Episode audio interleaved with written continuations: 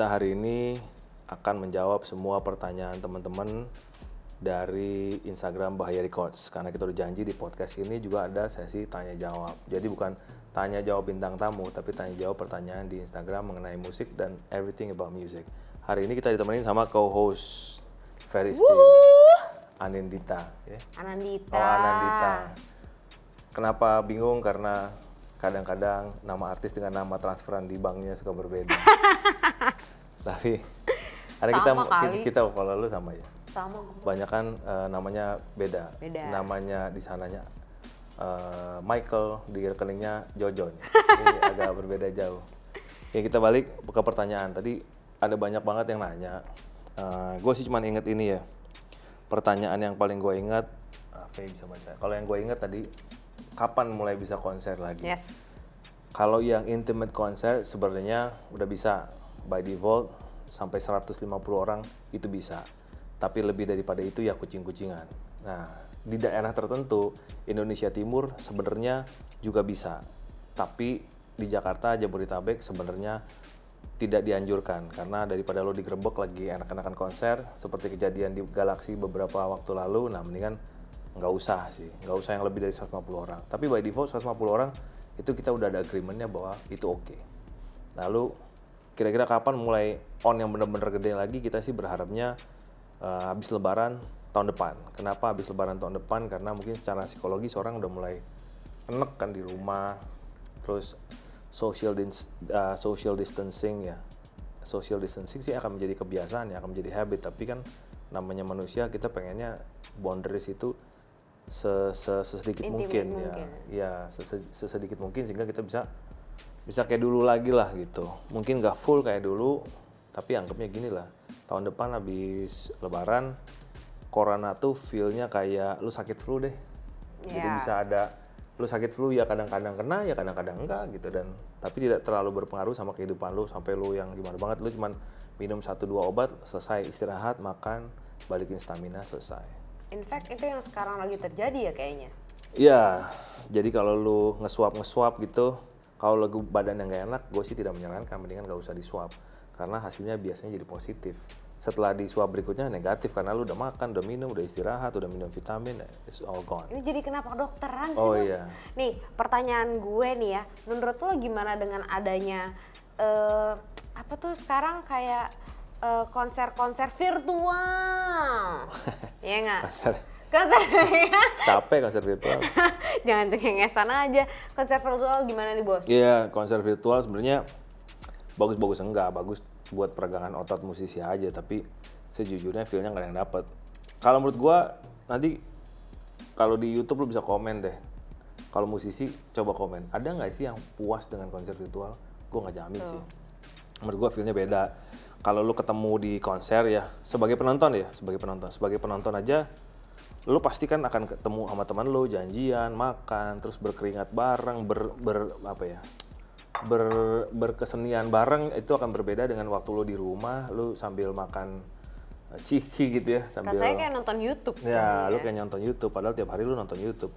Yang beda dari konser itu kan bersosialisasinya berinteraksinya ya euforianya beda sama sombong-sombongan lah lu di rumah di kamar nonton konser kayaknya nggak bisa sombong-sombongan ya Outfit out the day. Nah, OOTD lu nggak bisa.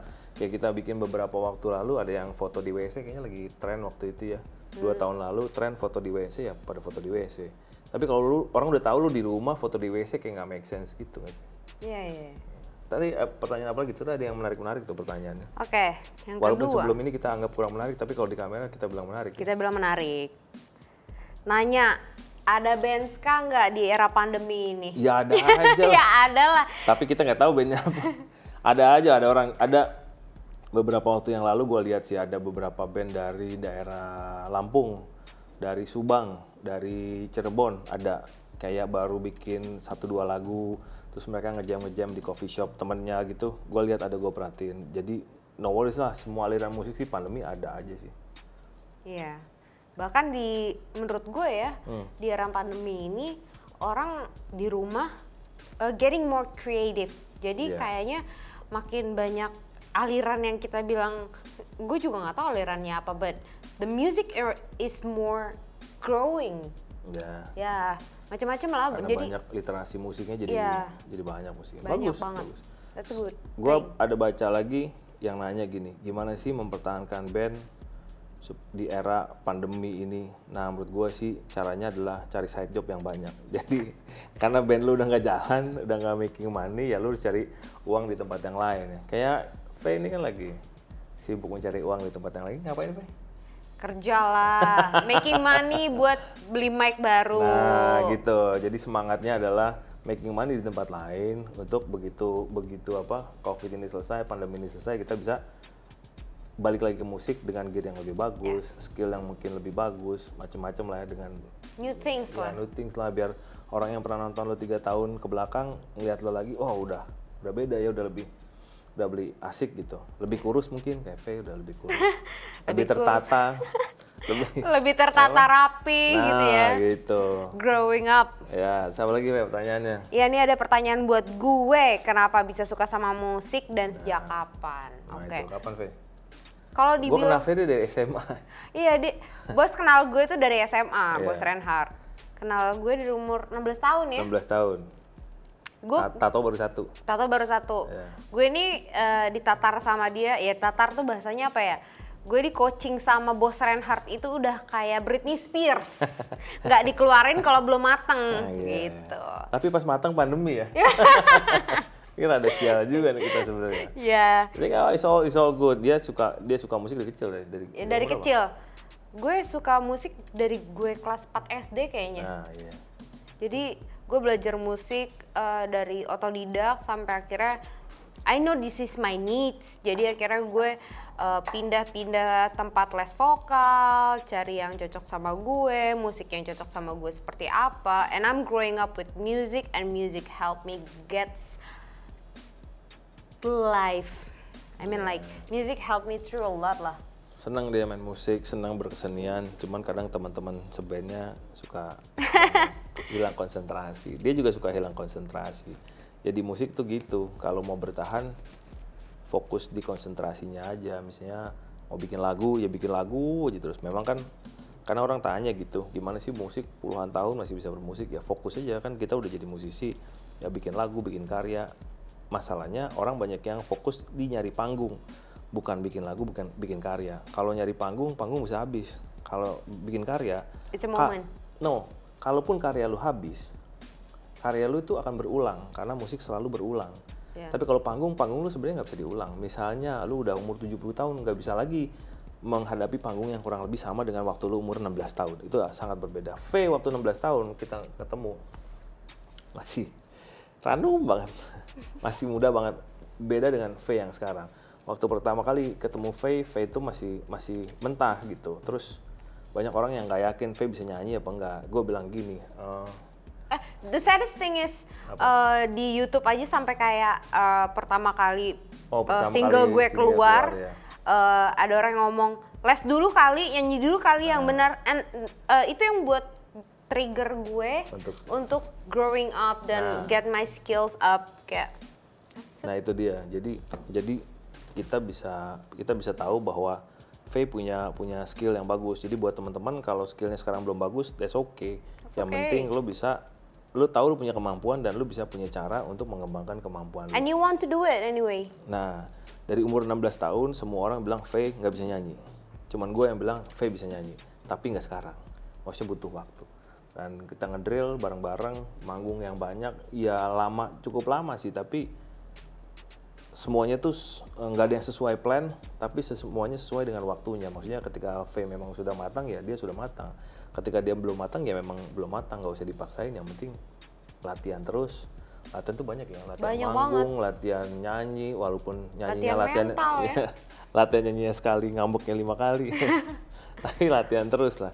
Jadi buat Normal lah, ya buat perempuan. lo semua yang yang yang yang pengen tahu gimana musisi nyampe ya kerja keras sih. Kalau nggak ada kerja keras sih musisi nggak ada yang sampai sih. Dan konsistensi. Nah itu dia tadi. Jangan pernah ngedrop pas dibilang jelek. Nah Itu harusnya jadi your trigger to be good. Gitu. oh, scroll ya, scroll di YouTube Bahaya Records banyak loh yang Iya, iya. komentar tentang V ini kurang bagus dan jelek. But it doesn't mean kayak gue harus quit the music, no.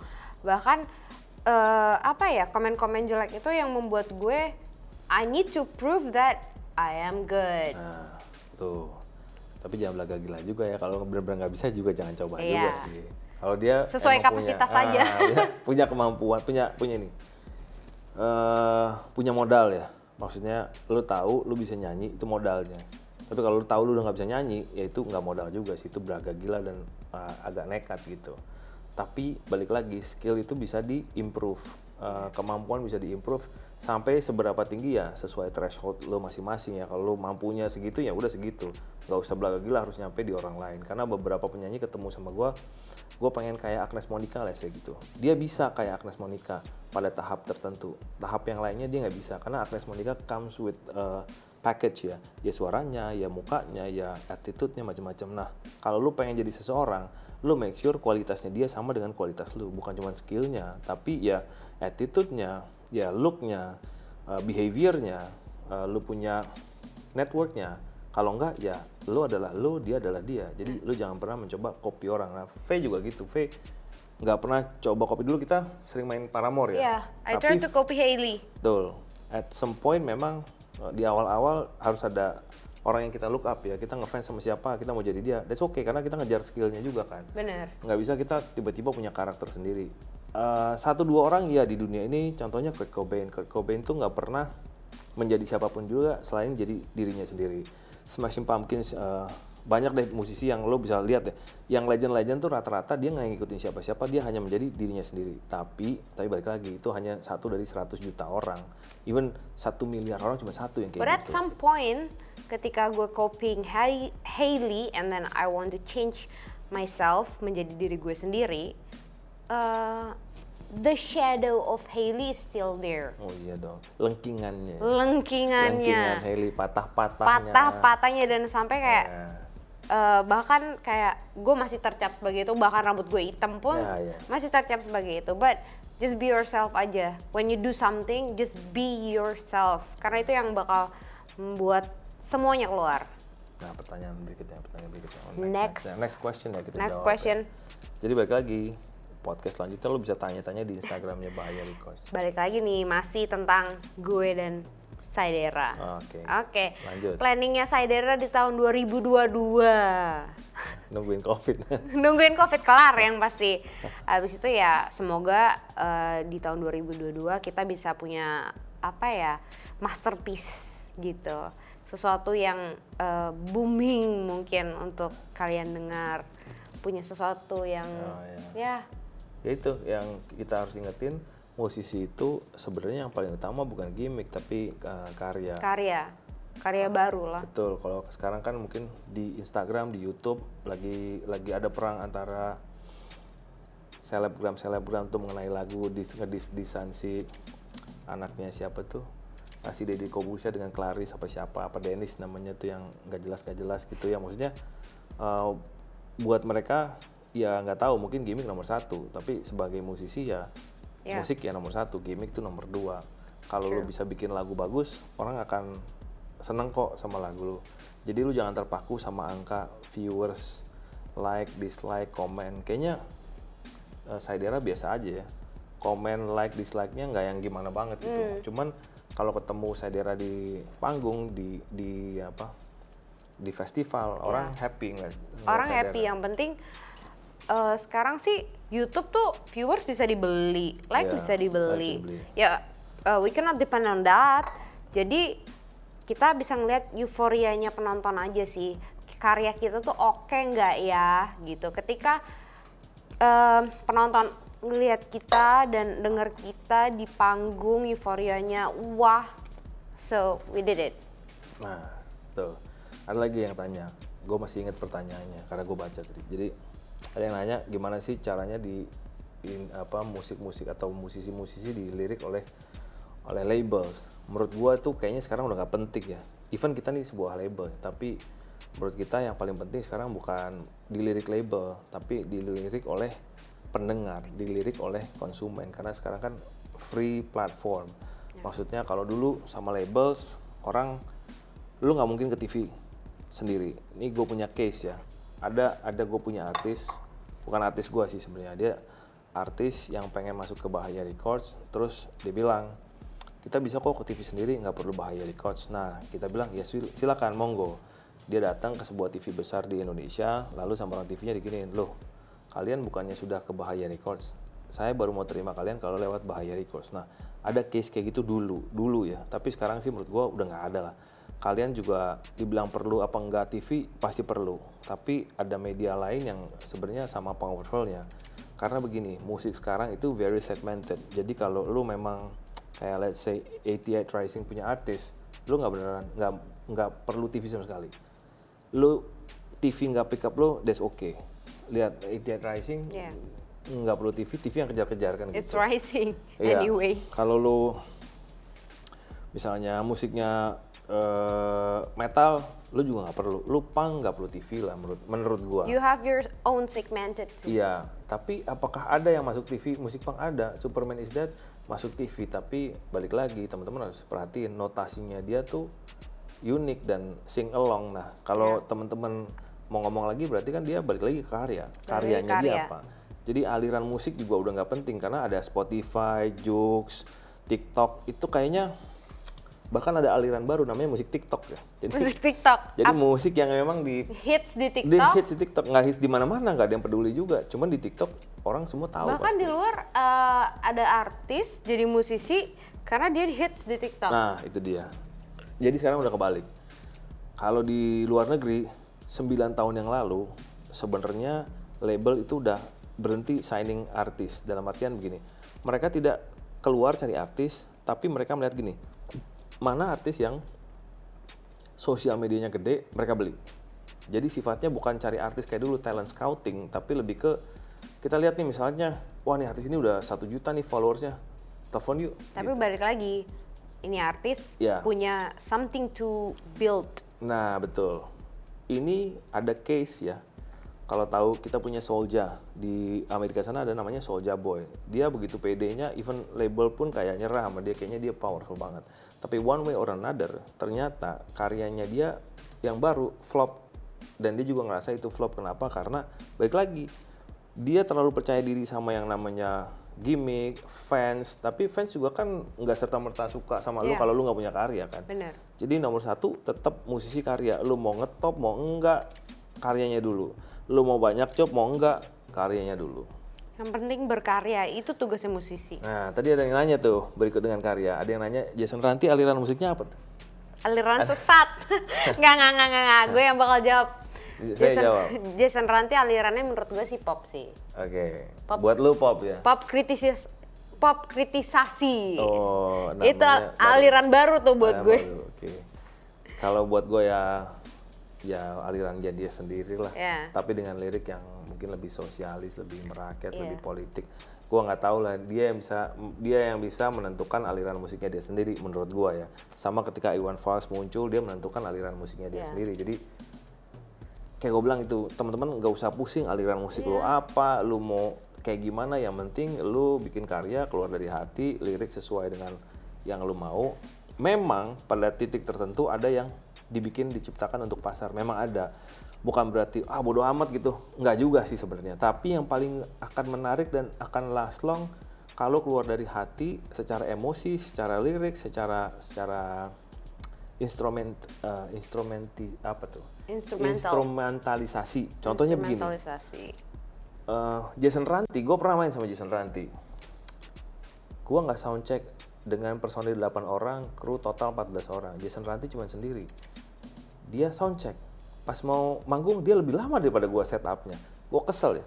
Tapi begitu gue lihat fansnya dia duduk, nonton dan sing along. Nah, gue ngerti. Oh, eh, ya, yang lainnya tuh hanya tambahan, yang lain tuh hanya permasalahan tambahan. Cuman Jason Ranti berhasil menghipnotis fansnya dengan liriknya, dengan apa ya? Dia berhasil membawa soul ke dalam Nah, itu. betul. Itu yang paling susah tuh. Gue udah berdelapan aja susah. Dia sendiri bisa. Yang paling susah juga adalah ketika lo berkarya, ini kan di studio nih, kita bawa ke digital. Nah, And then when it comes to the stage, lo bisa membawa jiwa itu ke sana nggak? Itu yang dilakukan sama Jason Ranti, and I give my thumbs up. itu yang dilakukan Veristi sampai naik ke Rijing. Tahu sahabat juga nih. Lu nggak pernah nonton Veristi? Lu tonton lah, Trio Macan doang mah lewat sama dia. Macan, Lewat. iya dia naik rigging, musisi perempuan begini naik rigging, penontonnya bingung, ya kan. Tapi tapi tapi itu yang Faye bilang benar bahwa kalau lu bisa mentransformasikan lagu lu menjadi sebuah attitude di panggung, lu keren banget. Tapi balik lagi, itu nggak bisa ditransfer ke streaming Ya. karena at- attitude lo nggak keluar kayak kita di sini aja nih sebenarnya agak aneh lampu banyak gitu Ya, kita nggak dapet feelnya gitu Benar, benar. dan gua dan gua saat ada satu yang gue suka waktu waktu kita manggungin Jason Ranti di Jangan Land lampunya di set merah semua jadi makin gloomy gitu ya Ya, he knows what to do with himself. iya itu keren sama kayak Feristi ya dia ngerti nih mau ngapain teriak-teriak lari-lari padahal penontonnya lagi nganga-nganga diem ngeliatnya Ah, what's happening? iya ada apa tapi ya berhasil Tapi itu berhasil. menjadi trademark loh. ya Waktu itu gue pernah ditanya sampai gue kaget gitu kan panggung eh, Jakarta Fair itu kan Iya, iya. besar sekali Iya. dengan saya yang sekecil ini. Tiba-tiba ada yang nge-DM, "Kak, are you okay setelah jatuh guling-guling di panggung?" ya, ya. And that's very shame of me. itu gue ditonton ratusan orang ya, gue gue lupa sih. Oke oke. Dan kayak Untungnya sama gue SID ya, bukan sama SID. ya? Kayaknya oh iya sama SID. Ya, oke. Ya sama SID bangun sama SID. Jadi gue dilihat sama Outsiders dan Lady Rose. Gue guling-gulingan. Lady Rose lagi liat Lady Gaga gitu. guling-gulingan. Ya tapi ya after that I need to improve. Jangan sampai kelihatan oh gue jatuh nih gitu. Iya. Itu tadi. Ada satu yang, ada satu case yang gue pernah lihat. Tuh gue waktu itu manggungin ada band, band Bahaya Record satu di Bandung. Eh, se- setelah band yang artisnya Bahaya Records ada main si siapa yang Jerok? Jerok lah, siapa yang Jerok lagi? Jerok ini bener-bener Jerok nih sorry. Jerok semanggung, terus dia nyanyi, saking senengnya kayak V dia kepleset. Waktu itu gerimis ya. Kepleset dia jatuh. Waktu jatuh tuh dia pingsan. Nah, gua nolongin tuh. Gue bawa ke ruangan, kebetulan gua ada dokter, dokternya bikin dia siuman. Begitu dia siuman dia nggak bisa nggak bisa diri sebenarnya. Ternyata eh, tulang rusuknya ada yang patah. gitu. Oh.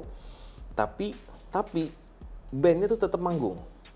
Bandnya tetap manggung yang lain karena bisa nyanyi ya nyanyi terus. Dia napas sekali dua kali tiga kali lagu berikutnya the next two song dia nyanyi. Naik ke atas panggung nyanyi. Tapi tapi ada tapinya nih ini juga keren nih. Tapi di lagu terakhir gue dan teman-teman udah nunggu bersama ambulans. Jadi langsung masuk ambulans pergi ke rumah sakit menurut gue sih itu keren banget sih. Dan gue sampai sekarang masih masih pengen terus eh, apa ya melihat Jerox tuh berkarya. Karena menurut gue dia salah satu band yang Itu tuh bagus ya. iya yang the show must go on ya itu tuh. Itu tuh the show must go on. Ada satu lagi sih yang artis yang gue kenal secara pribadi juga Happy Salma. Dia juga gitu. Uh, presenter tapi gue baru lihat ini presenter satu yang ugal-ugalan ya. Maksudnya gini ugal-ugalan. Dia tuh lagi presenter sebuah acara di TV yang depannya G belakangnya L Global TV kan? Terus dia bilang gini ke belakang. Waktu dia apa abis nge-host dia ke belakang. Jadi ada break nih break syuting ya. Kebayang ya break syuting tuh nggak terlalu panjang. Syuting soalnya syuting acara TV nggak terlalu panjang breaknya kecuali sinetron. Dia ke belakang sama kakaknya ke rumah sakit buat infus sampai di rumah sakit infusnya masuk dia balik lagi ke ruang tunggu eh, tempat syuting studio. Di belakang tuh masih pasang infus. Begitu dia bilang eh breaknya udah nih kita syuting lagi dicabut terus dia eh, presenting lagi. Menurut gua tuh amazing juga kan nggak banyak artis yang apalagi cewek ya. Biasa kan cewek kan kayak Manja. ah manja gitu. Ini enggak jadi gua tidak pernah mem- mem- membuat statement wah sini manja sini enggak kecuali emang gua tahu gitu. Kalau gua nggak tahu gua karena kita nggak tahu di backstage itu terjadi apa kita nggak tahu. Kita kan taunya mereka ceria di depan kamera dan segala macam. Itu kita nggak berani judge lah kecuali kita di belakang panggung lihat aduh nih orangnya nggak nggak enak nih gitu ya. Nah kita oke lah ngomong gitu. Tapi most mostly semua musisi artis yang sukses lu harus lihat belakang panggungnya. Mereka tuh gila-gilaan mereka latihan mereka konsisten mereka mau sakit mau enggak. Ada satu artis gua nih yang bilang gitu juga ke gue jadi gua waktu itu sama kayak V gua main di PRJ di sebuah booth rokok. Gue udah keringet dingin tuh panas gue udah 39 gue main tuh gue tetep paksain main. Gue tetep paksain main eh, waktu selesai main gue pulang ke rumah gue tidur. Begitu gue tidur gue dibangunin sama nyokap gue ternyata gue udah hampir step gitu panas gue udah 40 begitu sampai rumah sakit vonisnya eh, Tipes. gini dokter bilang gini saya baru pernah lihat pak ada orang bisa bertahan manggung dengan penyakit tipes dan demam berdarah pada saat demam Wow, that's amazing. 40 panas gua, gua udah hampir step karena gua udah ngigo-ngigo kata nyokap gua. Makanya gua dibawa ke rumah sakit. Kalau enggak gua nggak akan dibawa ke rumah sakit karena laki oh laki 39 biasalah. Kalau sampai ngigo-ngigo somethingnya harus lo harus bawa rumah sakit. Nah itu juga lo harus perhatiin. Kesehatan tuh juga penting kan gitu. Nah V juga sering tuh gitu Sering Punya- apa nih? Kurang istirahat Kurang istirahat. besoknya mau manggung malamnya pacaran soalnya. Oh, no, no, no, no, enggak no, ya? no, no, no, Oh, enggak no, gitu? enggak, gitu, Oh, enggak gitu, ceritanya kurang A- tidur. ada pacar di sebelah nih gue mau nanya Kurang tidur. Kurang tidur ya? Tapi gue Oh. profesional loh kan. oh iya bos kalau itu iya dong bos sering nggak tahu, eh, bos tahu apa enggak? Gue juga nggak tahu sih. Yang pasti somehow kadang-kadang gue emang ada yang gue nggak tahu ya? oh banyak, eh nggak tahu sih gue. Gue pura-pura nggak tahu. Pura-pura iya. nggak tahu ya. Tapi gue selalu tahu apa yang ter- terjadi dengan dia. Gue tahu. Kapan dia, mhm, mhm, gue tahu. Mhm. Gua tahu. Pura-puranya kecelakaan, tapi abis, mhm, gue tahu. Enggak, bukan pura-pura kecelakaan. Gue misalnya, gue lagi radang tenggorokan, gue Ah, harus iya. nyanyi. Kan Iya, gue iya, oktavnya tinggi nih. Betul, betul. Bener kan? Sampai sini, sampai atap, sampai ceiling. But show must go on, right? Betul, betul. Attitude nomor satu. Betul, yang mukanya manyun kecapean juga ada. Ada banyak. Apalagi pertanyaannya, Bang? Oke. Pokoknya, oh iya tadi aku ingat satu pertanyaan nih. Kan kita lagi ngomongin attitude ya. Iya. Eh, ada satu pertanyaan. Apa konser terburuk Saidera? Oh, iya, Wah, betul ini ya. ini pertanyaan yang paling the best. Ada satu panggung di Depok. Pokoknya satu kampus di Depok, kampus besar dan Saidera menjadi guest Oh, iya, star. gua. Iya, iya, iya. Ingat, ingat. Nah, itu adalah kejadian terburuk. Epic, epic. Epic banget, epic fail. Kenapa? Karena kan gestar ya bos. Iya. Masa kita main akustik Iya. kan? Jadi ceritanya Panggungnya drummer gua nggak dateng. drummer, drummer gua nggak dateng sampai last minute. Akhirnya manajer gue bilang go on stage. Why? Tiba karena mendadak tiba-tiba pas kita lagi eh, genting-gentingnya nih, Iya, iya. kru kita, thank you Anto, kru kita ada kru kita ternyata hafal lagu ya Saidera. Oke. Gue main drum, gue main drum. Oke, and then ya udah kita naik deh sebisa mungkin kita main itu profesional kan. Iya. Saidera profesional. Kita naik berapa lagu tapi dengan beat yang berantakan Oh, sih. iya. Itu fail banget, Bos. Uh, setlist beda- beda berantakan. skill ya, beda Beda skill. skill. Setlist berantakan, Iya, iya. beat berantakan, everything just a messed up fail. Iya. And then uh, di lagu ke berapa ya? I think lagu keempat, uh, gue mau mengakhiri lagu itu. Drummer gue naik, naik panggung. V, lanjut. Gue cuma ngeliat dengan kayak, oh my god. Oke, tapi mood udah hancur banget tuh, Iya, bos. iya. Udah hancur Tapi banget. dia datang kan. Datang, tapi, Tapi lagu la- last kelima. minute, last Ya, minute. last ya. minute lah. Lagu kelima dari enam ya? Iya, lagu kelima dari enam pokoknya dia cuma main dua atau tiga lagu Iya, something. iya. That's the worst worst case of our story di panggung ya. Itu parah banget sih menurut gue. Nah itu itu kejadian juga tuh sama Solja. Kita main di Ancol, kayak gitaris kita baru datang lagu ketiga apa nggak salah. Jadi gitar diganti keyboard gitu, feelnya nggak dapet tapi ya memang Show show, must go go on gitu. Jadi buat lu yang pengen main musik ya pasti ada tuh kayak gitu. Kita pernah juga mainin band yang kita lagi audisi buat sign di Bahaya Records. Kita main di Mochi Putra apa. Untung gua nggak datang. Kalau gua datang gua keki juga. Vokalisnya nggak ada. Untung yang main saxophone itu bisa nyanyi. Ah, Untung ya. Kalau yang main saxophone nggak bisa nyanyi, ya solo saxophone berarti dia. Emang dua doang. Enggak satu band. Oh, satu band. tapi vokalisnya nggak datang. Dan itu bener-bener nggak datang sih. Untungnya ya pemain saxophone bisa nyanyi. Nah kalau nggak kan repot. Nah itu sebenarnya salah satu keunggulan kalau satu band ada yang bisa tukar-tukar Ya. instrumen, bisa satu bisa nyanyi sambil main gitar, satu bisa main drum sambil sulap mungkin untuk menghibur panitia dan segala macam. Nah kelebihannya itu. Tapi balik lagi kan konsistensi itu di depan taruhnya. Sisanya sih yang Ya, eh, profesional ngikut lah, semua ngikut deh. lah, ngikut lah. Ini pertanyaan terakhir nih. Ada yang nanya gimana Bahaya Records menyikapi industri musik yang turun gara-gara COVID. Begini menyikapinya. Semua pengeluaran kita kurangin, semua pendapatan kita banyakin. Nah, pendapatannya bagaimana? Ya nggak ada sih pendapatannya. Cuman gini, kita tidak terlalu ekspansif di saat COVID seperti ini. Karya tetap harus. Baik lagi musisi harus berkarya. Mau pandemi ke, mau sakit ke, mau lu lagi nggak bisa ke mana-mana jadi di rumah aja rebahan lu bisa masih bisa bikin lagu Iya. kan gitu jadi konsisten tuh selalu kita bikin minimal 4 setahun itu udah udah cukup lah nggak usah terlalu 10 tahun Yeah, bikin lagu wah. that's enough. ya empat aja menurut kita cukup. Lalu yang kedua kalau kita misalnya pengen promo ya sekarang juga susah. Mau ke radio misalnya gitu. Paling phoner. Nah phoner kan balik lagi sama kayak feelnya sama kayak apa? Streaming. Nggak dapet. Enakan kalau kita datang ke radionya ngobrol-ngobrol kayak gitu loh.